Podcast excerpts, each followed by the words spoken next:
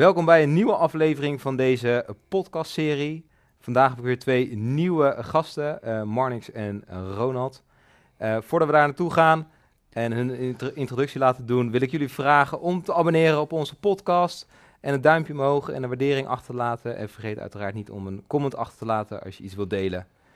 Beste heren, welkom bij de podcast. Ik ben heel blij dat jullie er zijn. Ik wil jullie vragen om straks even een korte intro voor jullie zelf te geven. Um, Ronald, zou ik bij jou mogen beginnen? Ja, prima. Ik uh, ben net een jaartje met functioneel leeftijdsontslag. Uh, ik heb 42 jaar bij het uh, Corps Mariniers gediend. in die hoedanigheid een beetje afwisselend in de conventionele wereld gezeten, maar ook in de wereld van speciale operaties. Mijn laatste functies die waren op het plein bij het ministerie. En mijn allerlaatste functie was bij de directie, of directoraat-generaal beleid, de afdeling operationeel beleid, uh, waar ik uh, mede uh, heb mogen helpen aan ehm, het krijgsmachtontwikkelingsproces. vele malen op missie geweest en mijn laatste missie is in Mali geweest, waar ik een jaar als deputy chief of staff operaties heb gezeten. En nou goed, en in die hoedanigheid breng ik hopelijk wat bagage mee voor deze discussie. Oh, vast en zeker. Dankjewel voor je introductie. Mornix, mag ik het woord aan jou geven? Ja, uh, Marnix Velius, 47 jaar, opgegroeid bij de infanterie Koninklijke Landmacht. Uh, wissel eigenlijk met name in de eerste 15 jaar tussen panzerinfanterie en uh, luchtmobiel. Uh, met een operationeel hart voor het, voor het gemechaniseerde optreden op de grond, panzervoertuigen, infanteristen, tactiek, grote oefeningen doen en maken. Daarna een uitstap gemaakt richting de staf van de Koninklijke Landmacht. De kans gekregen om twee jaar te studeren op de Führungsacademie in Hamburg, Duitsland. Uh, en nu weer terug op de staf van de Landmacht. Dankjewel. Ook heel interessant. Ja. En zeker kijken naar het onderwerp waar we het over gaan hebben. Uh, wil ik gelijk beginnen met de eerste stelling naar jullie toe. technologie zorgt ervoor dat mensen minder belangrijk worden tijdens oorlogen. Marnix, zal ik bij jou beginnen? Ja, ja precies. Ik ga het beginnen. Uh, ja, als we over de rol van mens praten in, uh, in oorlogen, in militair optreden, dan word ik toch altijd meteen geneigd om weer eens te denken aan uh, de woorden van de kolonel Boyd, Amerikaanse denker. en zijn volgorde der dingen was altijd people, ideas, machines. En dan altijd gevolgd door de zin in that order. dus het gaat om mensen. De mensen hebben ideeën, die hebben concepten. die zijn creatief of niet. Uh, en vanuit die concepten bedenk je met welke middelen je dat dan uh, doet. En ik ben zelf, uh, vanwege denk ik ook waar ik ben opgegroeid bij de infanterie, veel context bij het gevecht op de grond. Hoe gaat dat nou? De chaos die daar plaatsvindt, de omstandigheden. dat eigenlijk de ideeën en de machines van nature niet bestand zijn tegen oorlog. Tegen de omstandigheden van oorlog. En dat je dus altijd hoe geautomatiseerd het ook wordt, hoeveel technologie je ook inbrengt, zul je terug moeten naar de mens. Uh, om zeg maar dat aanpassingsvermogen in te houden. Uiteindelijk, en oorlogen draaien natuurlijk uiteindelijk ook om mensen. Die, die wil je beïnvloeden, dat is iets wat je wil bereiken. Nou wordt de rol van technologie steeds groter. Uh, de legers worden ook over het algemeen kleiner. En daarmee zou je ook nog zelfs kunnen argumenteren dat daardoor de mens belangrijker wordt. Want je hebt er dus minder en die moeten nog steeds die ideas en die machines uh, bemensen en aansturen. Ja, en dus, als ik kijk naar, Ronald, naar jouw werk in het verleden, als bij de korpscommando's, um, daar is mens, lijkt me ook een van de meest belangrijke uh, pijlers naast ideeën en dan de machines. Als je dat... Nou, het draait altijd om de mens, klaar. Want het zijn mensen die oorlogen beginnen. Er zijn uiteindelijk ook mensen die een oorlog kunnen beëindigen. Dus als het gaat om het beïnvloeden, dan doe je dat bij mensen. Uh, dus wat dat betreft uh, is de stelling op zich wel uh, herkenbaar. Ik begrijp het dat dat als een stelling in naar voren is gebracht. Maar het draait nog steeds om mensen. En eigenlijk is er een hele simpele vuistregel. Er moet altijd een balans worden gezocht in mensen, manieren en middelen. en in die balans zoek je uiteindelijk naar de juiste samenstelling om de effecten die je zoekt ook zo uh, efficiënt en effectief mogelijk te, te sorteren. Daar gaat het uiteindelijk om. En het is gewoon een wet van communicerende vaten. Maar op het moment dat je technologie toepast om uiteindelijk beter eh, de effecten te zoeken of te sorteren die je zoekt, ja, dan eh, betekent dat uiteindelijk ook iets voor de manier waarop je moet gaan optreden. Maar ook de mens die erachter zit, die dat uiteindelijk moet gaan uitvoeren. Dus de mens die blijft altijd een centrale rol spelen in mijn beleving. En zeker ook omdat bij de tegenpartij je ook praat over het beïnvloeden van mensen. En dat doe je dus met mensen aan onze kant. Dus wat dat betreft uh, minder belangrijk, dat, dat zou ik niet zo gelijk zeggen. Uh, ze krijgen misschien een iets andere positie in het proces. Maar het belang van de mensen blijft gewoon vooraan staan. Ja, dus dat is. Als ik, als ik dan kijk om een ander vergelijk te maken, ik zie Defensie ook wel een beetje als, als schaken. Ik, uh, Marnix, je hebt die vergelijking in de, ja. bij uh, Boots on the Ground ook gemaakt. Uh, defensie, schaken, strategie. en daar haalde jij op een gegeven moment aan van um, dat AI het zou kunnen winnen van een mens. Um, maar als je de combinatie maakt tussen AI en mens, dat je dan eigenlijk onverslaanbaar bent of je het nou opneemt tegen een persoon of um, AI systeem alleen. Ja, dat het sterker is. Eigenlijk. Ja, dat het veel sterker is. Zien jullie dat ook terug zeg maar, in, het, in het werkveld? Dat je wel die machine en die, die on technologische ontwikkelingen nodig hebben als mens om nog beter dan de functie uit te kunnen voeren?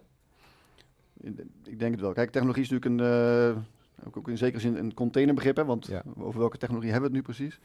Maar ik denk met name bij, eigenlijk bij als je kijkt naar de panzerinfanterie, dat als je, als je dit, ik zou bijna zeggen, een beetje zo dit avontuurlijke leven, als je dat aantrekt, hè, dan, uh, en, en, je wil inderdaad technologie, uh, wapens, uh, maar je houdt ook van dat, dat, dat buitenleven, zal ik maar zeggen. De ultieme combinatie van materieel en de mens. En om daar leiding aan te geven, dat vind je denk ik bij de, bij de panzerinfanterie. Er zit werkelijk alles in.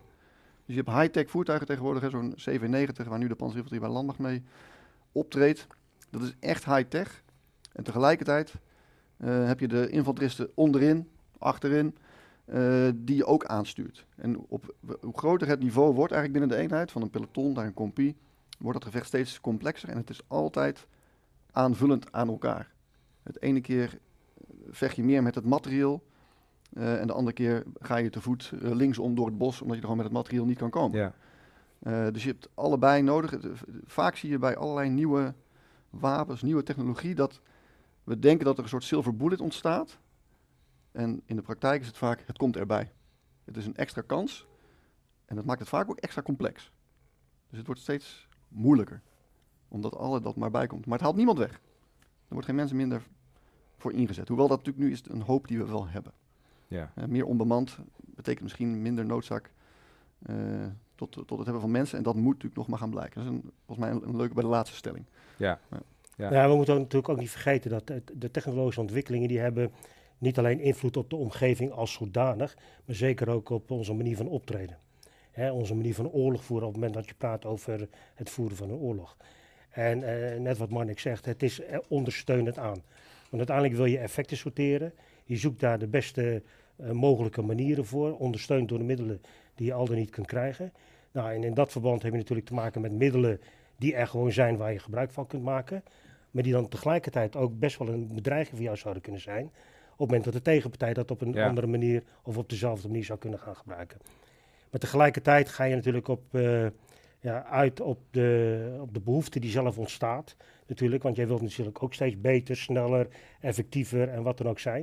En dan ga je naar middelen zoeken die dat kunnen ondersteunen. Ja. Dus, en zo blijf je continu doorgaan met het ontwikkelen van bepaalde technologieën. Uh, maar uiteindelijk blijft de mens daar een centrale rol in spelen. En in dat verband hebben we natuurlijk, hè, zoals als het zo mooi heet, uh, allerlei mogelijke ja, uh, situaties waarbij de mens een rol speelt. Hè. In, on en off the loop noemen ze dat zo mooi.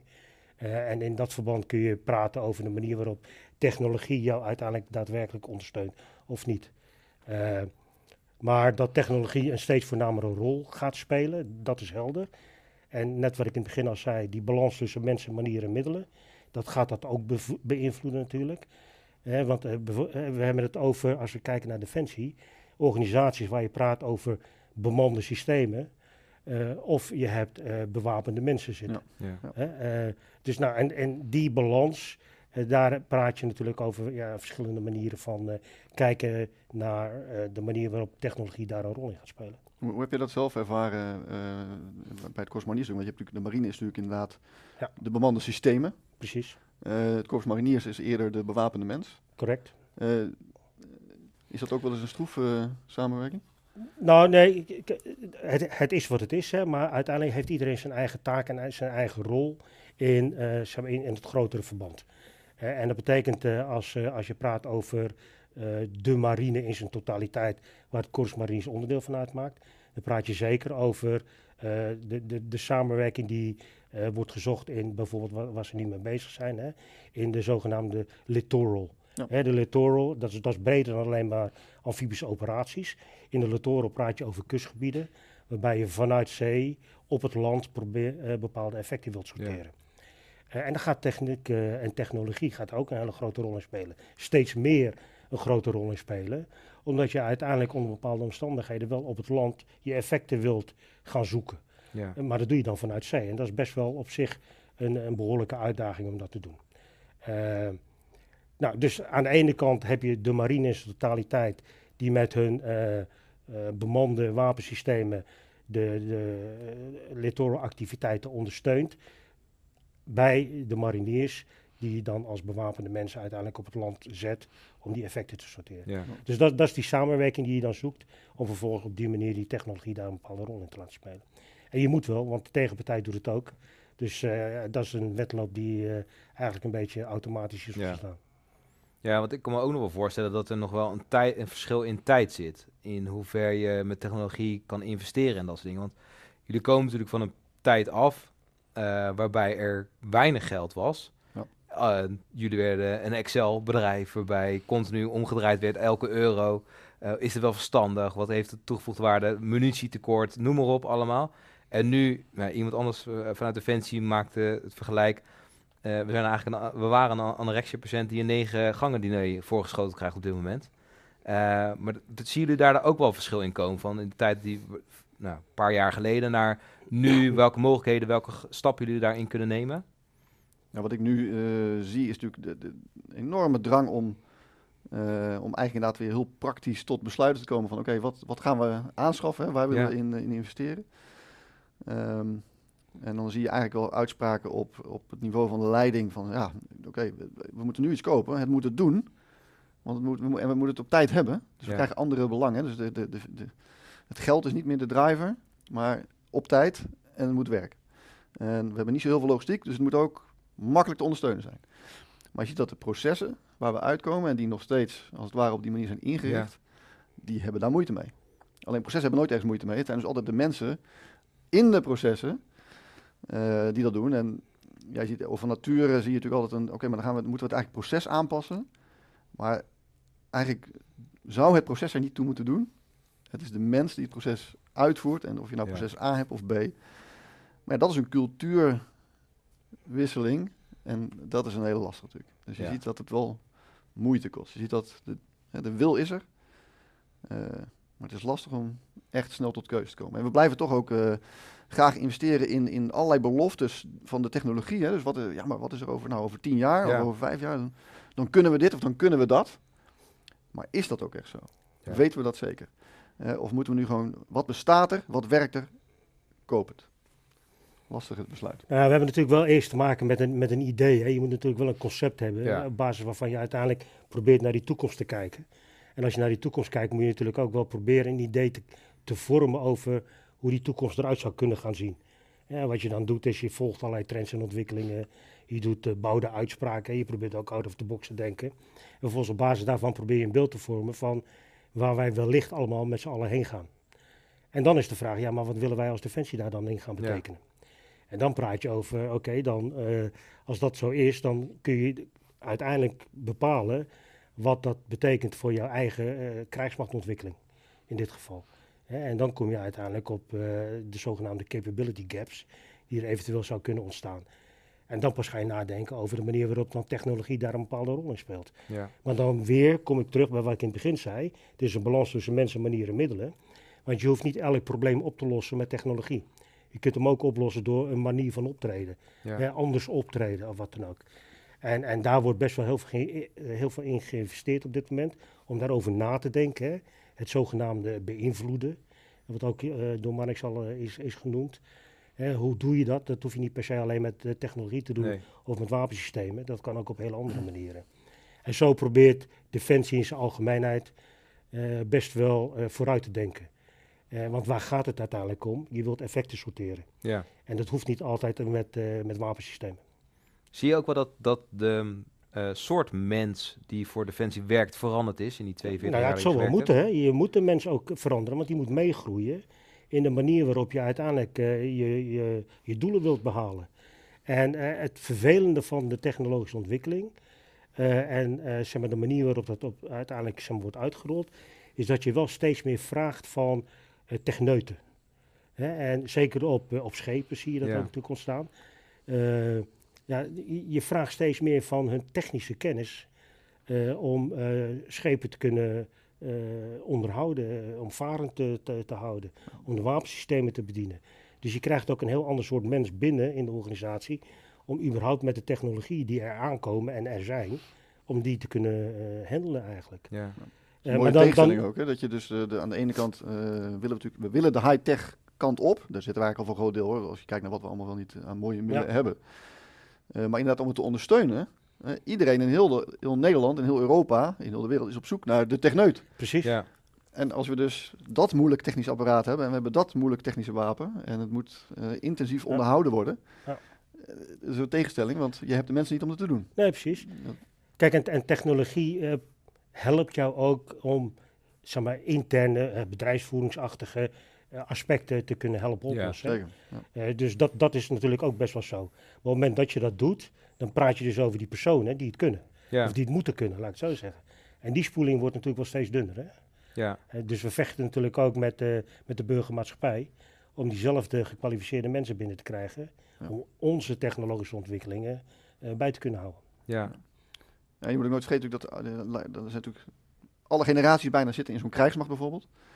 Eh, en je hoeft helemaal niet zo oud te zijn om eigenlijk zeg maar, de laatste ontwikkelingen eh, nou, misschien best wel lastig te vinden. Eh, of dat nou over de IT gaat op de, op de werkvloer of in het veld. En je ziet dus dat het, de ontwikkelingen gaan soms zo snel dat je misschien wel de, de generatie die misschien wel in het zwaartepunt zit van het, van het denken en aansturen, Ja. dat misschien al niet meer kan bijhouden. Dus je hebt een hele, hele complexe organisatie met heel veel nieuwe technologieën, nieuw materiaal, nieuwe concepten. Eh, nou, vind maar eens de leidinggevende die dat overzicht bewaart, die de integratie van dat alles maar kan doen. eh, en die ondertussen ook nog eens even alle problemen en tekorten aan kan en oplost. Ja. Dat is Heel wel een heel moeilijk punt. Ja. Ja. Want hoe gaan jullie om ehm, met... Ja, er komen dus wel nieuwe technologieën, maar je hebt je huidige set aan mensen. Zit daar dan een soort van trainingssysteem in dat, dat de generatie die daarmee gaat werken ook echt dat helemaal kan opzuigen en mee kan... Nou, je bent gewoon continu bezig met bijscholen natuurlijk. Hè? Het personeel wat er zit en wat werkt met de huidige middelen, ja, dat zul je continu moeten blijven eh, voeden met eh, de, de nieuwe ideeën die eraan zitten te komen, de manier waarop technologie daar zijn intrede gaat doen en, nou, enzovoort enzovoort. Dus eh, je bent ook een lerende organisatie en dat, dat blijft gewoon zo. Het Ja. voordeel, mi- misschien is het ook een nadeel, maar het, nou, het is maar goed ook misschien. Dat de- als je kijkt naar de politie, de politie wordt natuurlijk continu vooral ingezet. Ja. Dus die is altijd buiten en is aan het werk. De krijgsmacht is voor 80% aan het oefenen, trainen, voorbereiden. Dus eigenlijk is het eh, een leven lang leren, noemen we het nu eigenlijk ook Ja. wel. Maar dat is, dat is eigenlijk wat we doen. We zijn maar alleen maar bezig om maar beter te worden. En dat is ook een kracht van de mensen dan in die organisatie. Want dat is het hele wezen van hun, hun leven eigenlijk. Hoe kan ik het morgen beter doen dan, Ja. eh, dan vandaag? Dat is een bepaalde luxe die je hebt. Aan de andere kant, als je eh, de, de, de politie neemt, dan zit je dus wel altijd in het veld. Hè, dat is ook waar veel mensen natuurlijk graag doen. Dus als Ja. je het hebt over hoe krijg ik mensen. Ja, mensen willen ook graag eh, dingen doen. Ja. Hè, dus dat is... eh, En dat betekent dus dat je eigenlijk binnen zo'n organisatie ook ruimte moet maken om na te denken over de toekomst. Ja. Hè, en dat, dat, dat kan morgen zijn, overmorgen of over een week, dat maakt niet uit.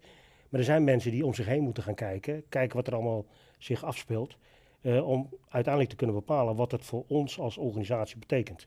Zodat we daarop kunnen reageren of anticiperen, Ja. het liefst natuurlijk. Eh, maar dat is wel nodig om een organisatie goed draaiende te houden. En Ja. altijd future-proof te houden. Ja. Nou, met dat wil ik het afronden voor deze stelling. Heel erg bedankt en ik wil jullie graag meenemen naar de volgende stelling.